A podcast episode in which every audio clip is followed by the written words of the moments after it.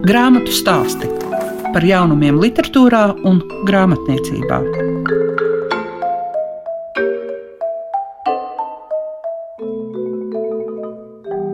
Sveicienu jums sūta grāmatu stāstu veidotāja Liega Piešiņa, un šodien jūs dzirdēsiet Māru Svīri, kura stāstīs par savu jaunāko izdoto romānu Bailes no dziļuma, kā arī pievērsīsimies grāmatai, pie kuras ir vērts atgriezties, un tā ir Brunhildes Pomsels un Tores Hansena grāmata Es biju tikai sekretāre.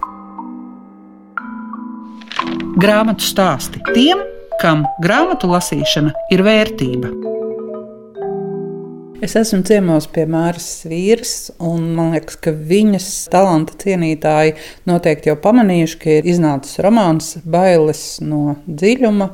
Un, uh, laikam tāpēc, ka tur ir gan krimināla sižets un vēl. Es gribētu Mārķi pajautāt par tiem žanriem, kādos jūs savas nu, jau vairāk nekā 30 grāmatas esat rakstījusi. Un kurš žanrs jums pašai šķiet tāds tuvāks? Tagad ir tik labi laiki, ka par žanriem vispār nav jādomā. Absolūta brīvība. Nekas netiek salikts pa plauktiņiem, un ja kāds grib un var salikt, lūdzu, lai to dara. Bet es kā autore jūtos absolūti brīva. Es rakstu to, ko es gribu. Vai nu man jau mūžā viss ir tā vienreizēji lietošanai, man jau nekādu tādu jubilejas izdevumu, kāda agrāk bija, man jau tāda nebūs. Bet redz, cik labi, nē, pāris grāmatas man ir izdotas otrā izdevumā. Viena no tām ir, ja pulkstenis nenodos, tādas pārdomas, kā mēs teicām, ar kā ieku gudrībiņas, manas gudrībiņas. Tā Tā ir otrais izdota, un tad ar vakardienu kabatā ir otru reizi izdota. Un neuzzinās neviens pakrimināls gabals. Jā, kā es saku, antikrimināls, jo parasti tie izmeklētāji ir ļoti gudri un visu viņi tā atklāja. Man izmeklētāji, diemžēl, ir nu, tādi, kādi viņi šajos laikos ir. Bet advokāti ir gudrāki. Nu, vienīgais, ko es gribu, un ļoti gribu arī kā lasītāja, es gribu, lai ir interesanti lasīt, lai nav garlaicīgi, lai nebūtu sižets tāds kā dzīve kaimiņam aiz sētas. Tas ir tomēr garlaicīgi. Man dzīvē tas ir garlaicīgi, un arī romānos man tas ir garlaicīgi. Vajag, lai ir kaut kas ne īsti no ikdienas romānā, bet vai tas iznāk kaut kas drusku krimināls, vai tas iznāk, es nezinu, psiholoģisks un tā. Tas, kā iznāk, ne par žanriem, es nedomāju. Nu, bet jums ir, jums ir bijis gan tīrs detektīvs, gan jums ir pārdomas, gan jums ir aizrautīgi stāsti. Nu jā, ir, ir, ir, ir bijuši, jā. Kas, kas rodās, tas ir. Ja mēs runājam par šo bailes no dziļuma, tad man jāsaka, ka šī varone lasīšanas laikā mainījās attieksme pret viņu. No tā, ka viņa man tā kā patika, tad man likās, ka ai, tad atkal atkal atgriezās. Viņa bija ļoti, ļoti dzīvelīga. nu, jā, kurš tad mēs esam eņģelis un kurš mēs esam vēlams? Nu, tik traki jau nav, kā cilvēks ir ļaunuma iemiesojums. Un nav atkal tā, ka kāds ir eņģelis. Mēs visi esam sajaukti. Starp citu, Kains Bībelē. Kains pēc tam, kad Dievs viņu aizraidīja, aizgāja pie citiem cilvēkiem, kas man ļoti pārsteidza. Jo tiek uzskatīts, ka Ādams un Ieva bija pirmie cilvēki, un no viņiem tad arī radās cilvēki kā tādi. Bet nē, Bībelē tā ir rakstīts, ka ir vēl citi cilvēki. Un man gribējās domāt, tur tā nebija rakstīts, bet man gribējās domāt, tā nu labi. Kains patiesībā jau nemaz nav tik ļauns, kā to grib tulkot. Viņš jau nezināja, kas ir nāve. Viņš vēl nāvi nebija redzējis. Viņam vienkārši sanāca dusmas uz savu brāli. Viņš jau negribēja viņu nogalināt. Patiesībā Dievs bija netaisns, tik ļoti bargi viņu sodīdams. Bet varbūt nemaz tas nebija tik slikti. Kains nokļuva pie citiem cilvēkiem. Bet tie cilvēki bija citādi, un nu nāk mana interpretācija. Es domāju, ka tie bija vēlna cilvēki ka tie bija tā kā latviešu tautas pasakās - dieva govis un vēlna govis, un, un, un dieva kūtis un vēlna kūtis. Un tad šis dieva cilvēks Kains nonācis tur, Jā, viņš radīja dēlu un, un, un radīja savu dzimtu. Un no tā mums visiem, nu, Ābels jau bija nogalināts, tātad paliek kains. Nu, vēl gan arī Ādamam un Ievai ir dzimuši bērni, bet, ja mēs par kainu runājam, Tur tad radās tas, ka katrā no mums ir dievs un katrā no mums ir un šis viss garais stāstījums, protams, ir absolūti liekas. Bet, ja mēs runājam par manu Alīnu, tad saprotams, viņa vispār ir ļoti pozitīva. Viņa ir ļoti pozitīva, bet negribu izstāstīt saturu, bet tā viņas tāda ļoti stingrā pieķeršanās medību pilī un tāds eh, nelokāms spriedums, ka mēs nepārdosim šo medību pili. Kaut arī tā ir mantota, kaut arī tā nav nekāda dzimtas pils, mēs nepārdosim, tā būs mana. Un vīra problēmas viņu it kā neinteresē.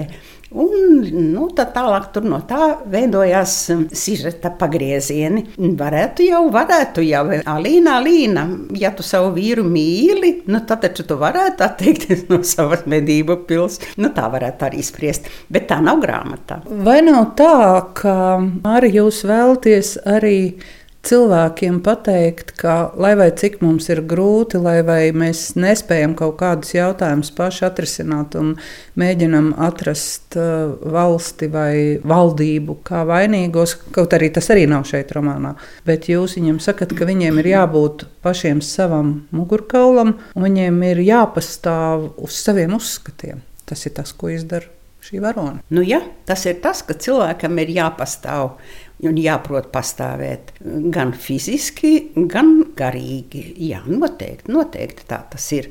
Un dzīves situācijas cilvēki vienmēr pārbauda šajā ziņā. Gan piespēlējot eh, tādus labus, patīkamus gājienus, gan liekot par tiem samaksāt. Nu, tad tur ir tas visas dzīves peripētijas un konflikti, bez kuriem nevar iztikt ne cilvēks pats savā dzīvē, pats ar sevi konfliktējot, gan, jā, diemžēl nevar iztikt arī attiecībās ar citiem. Bet jūs esat pati vairāk sievas vai vīra pusē? Nu, es taču esmu sieviete. Protams, ka es esmu sievas pusē šajā romānā, un es vienmēr esmu sievietes pusē. Nu, es nezinu, vai man to tā vajadzētu stāstīt, bet Nu, man ir dēls, bet es esmu vienmēr bijusi viņa sievietes pusē, nevis viņa pusē. Jā, es neesmu no tām mātēm, kuras mīļo dēliņu, mīļo dēliņu. Viņš, viņš ir vienīgais, labais un tā, un, un tās visas raganas sievietes. Ne. Grāmatā ir fantastisks tēls ne tikai šī medību pilsēta, par kuru droši vien arī mēs vēl atsevišķi parunāsim, bet Daugava. Nu, Daugava, man trūkst vārdu, lai es izteiktu savu attieksmi pret Daugavu. Mēs taču ar, ar Vladimiru Kajaku nodzīvojam Daugavas krastā kopā 39 gadus, un tagad es vēl esmu septiņas vasaras pusgadus nodzīvojusi viena. Māja ir 14 metrus no Daugavas, tā ka patiesībā tie ir daži lieli soļi, un tad ir Daugava. Daugava visā savā mainībā, Daugava savā maigumā un Daugava savās dusmās, kad viļņi ir ar baltām galotnēm un krastmalas koki tā šūpojās, ka liekas varētu uzgāzties mājai virsū.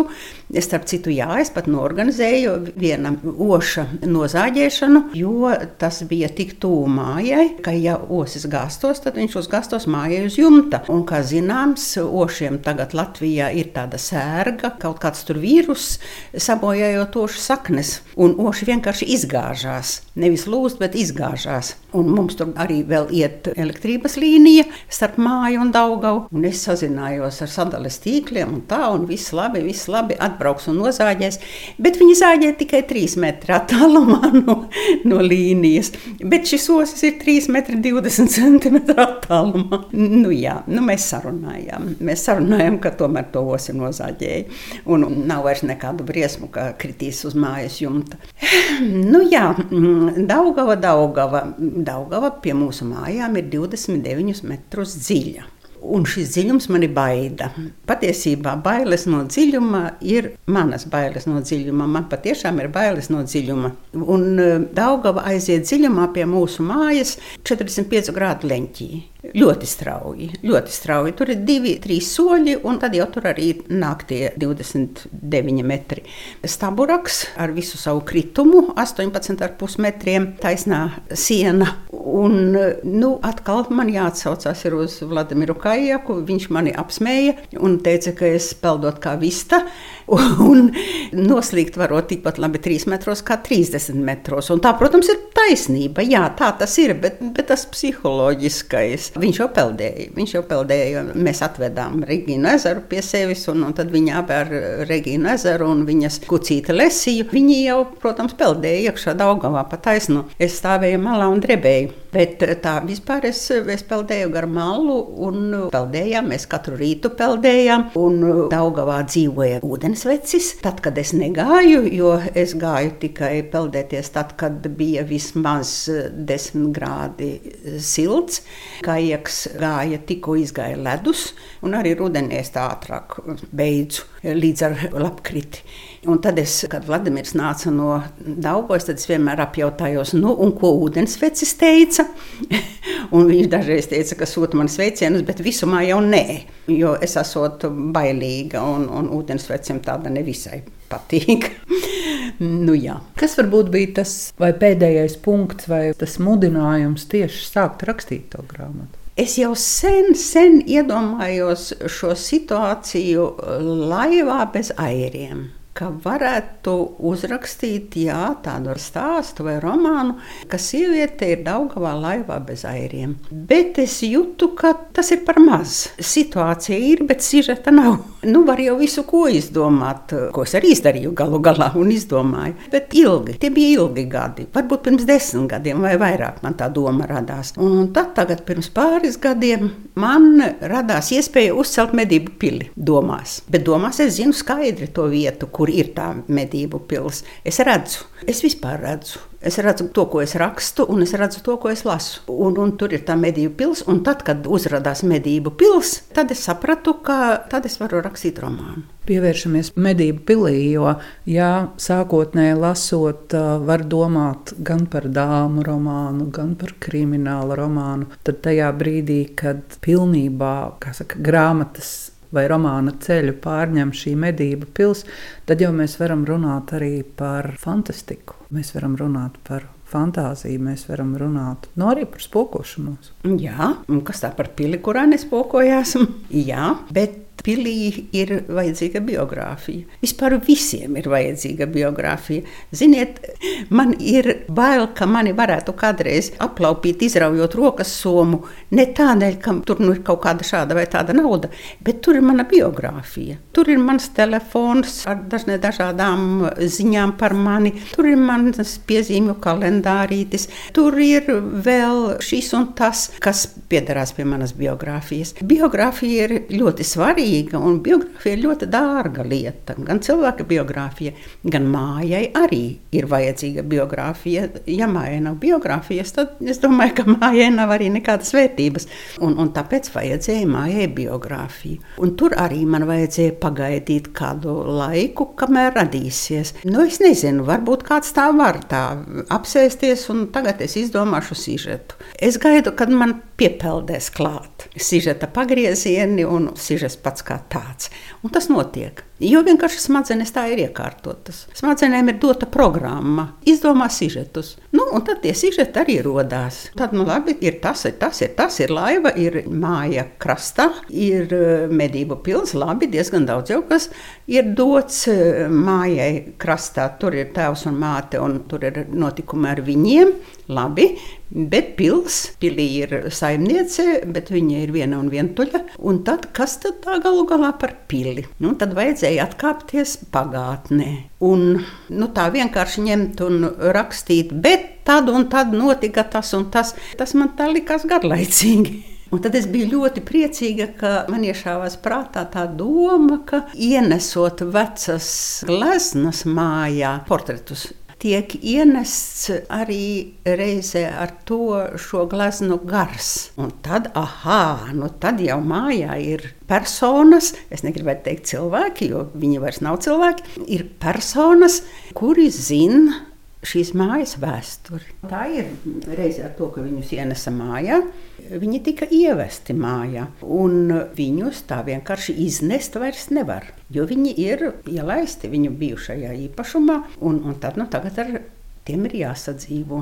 Man liekas, ka bailes no dziļuma zināmā mērā var teikt, ka tā ir arī tāda sava veida metāfora. Ir gan. Katrā ziņā, jo patiesībā jau es domāju, ka daudz vairāk cilvēku ir, kuri baidās no dziļumā, attiecībās, un baidās no dziļumā, ieskatoties sevi, nekā reāli peldoties, baidās no dziļuma. Tā noteikti tā tas ir, un es par to arī domāju. Jā. Grāmatu stāsti programmā Klasika. Jāpiebilst, ka jau aizvadītā nedēļā jūs dzirdējāt, ko iesaka lasīt Māras vīri. Tagad viņa stāstīja par savu jaunāko izdoto romānu Bailes no dziļuma, bet vēl no šīs viesošanās pie Māras vīras būs dzirdams arī viens ieraksts, kur jau Māra kritiskāk izsakās par grāmatām, bet gribu tur sameklēt arī citu lasītāju viedokļus. Bet tūlīt, lai būtu tāda rubrika grāmatas, pie kurām atgriezties. Jau pie Pirms vairākiem gadiem iznāca Brunhildes Pomselas un Doras Hansena grāmata Es biju tikai sekretāre. Tā lika daudz ko pārdomāt un tiešām ik pa brīdim to arī pāršķirst. Atslēgas vārdi šai grāmatai varētu būt tādi kā Vācijas vēsture, biogrāfijas, Otrais pasaules karš un arī nacionāla sociālisms. Šoreiz es gribu runāt par grāmatu, kuras nosaukums ir Es biju tikai sekretāre. Un Brunhilde Pomsela šo stāstu vēstīja pasaulē tad, kad viņai jau bija vairāk nekā simts gadi. Šo grāmatu ļoti meistarīgi ir no vācu valodas tulkojusi Silvija Brice, un lai atceramies, kā viņa par Gintera Grasa grāmatas par beidzamību tulkojumu saņēma Dzintera soduma balvu. Bet, ja pievēršamies, es biju tikai sekretāre, tad te ir diezgan daudz lietu, kuras it kā vienkāršā stāstā liek mums aizdomāties. Viens. Mēs dzīvojam laikā, kad lielākā daļa rietumu demokrātijās dzīvojoši cilvēki ir sasniedzami nevis ar faktiem, bet emocijām. Un ja mēs piekrītam šai atziņai, tad grāmatā paustais Jozefa Gēbelsa sekretārs atmiņu stāsts mums liek domāt. Viņš vienkārši mudina mūs, jo Pomsela ļoti atklāti, kā reti kurš, raksturo nacistu režīma aculiecinieka viedokli. Un viņa atzīst, ka svarīgākais viņai ir pašas izdevīgums, arī jaunības egoisms, un tādējādi viņa parāda savu oportunismu, un tā viņa palīdz arī izskaidrot interesu trūkumu par politiku un viņas vēlamo lomu nacionāla sociālisma izpausmēs. 20. gadsimta 30. gadi Vācijā no vienas puses tur valda radikalizācija, bet no otras puses aprobežotība, arī pasivitāte un intereses trūkums. Un nepatīkams un skarbs ir jautājums, kas grāmatas lasītājiem jāuzdod sev pašam, vai nav pārāk daudz līdzību ar mūsdienu situāciju. Pomselas dzīves stāstā ir acīm redzamas gan dzīves pretrunas, gan arī paralēlas. Un man liekas, ka mums ir jāapzinās, ka dzīvot nozīmē arī līdzdzīvot. Jāpiebilst, ka grāmatai ir norādīti divi autori, gan Brunhilde Pomsela, gan Tore Hansens. Arī grāmatu var iedalīt divās daļās. Un ja pirmajā ir šīs Reiha propagandas ministra Jozefa Gēbelsa bijušās sekretāras atmiņas, tad otrā daļa jau ir politologa, sociologa, populāra ekonomikas žurnāliste Tores Hansena rokās. Un viņš velk šīs paralēles starp 30. gadu notikumiem 20. gadsimtā un mūsdienu politiskajām norisēm ne tikai Eiropā, bet arī Amerikā. Un mums katram ir tikai jānoskaidro, cik liela daļa no Pomselas īpašībām piemīt arī katrā no mums. Izskan grāmatu stāsti. Šīs dienas raidījumā dzirdējāt Māru Svīri. Viņa stāstīja par savu jaunāko romānu Bailes no dziļuma, un arī pievērsāmies grāmatai, kas jau iznākusi pirms kāda laika sprīža, bet ik pa brīdim uzjundīja mūs dažādas emocijas un liek pie tās atgriezties.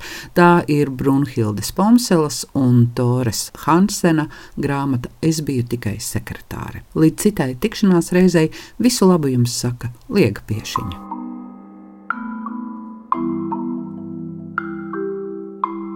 Grāmatu stāsti par jaunumiem literatūrā un grāmatniecībā ik trešdienu, 9.5. ar atkārtojumu Svētdien, 18.15.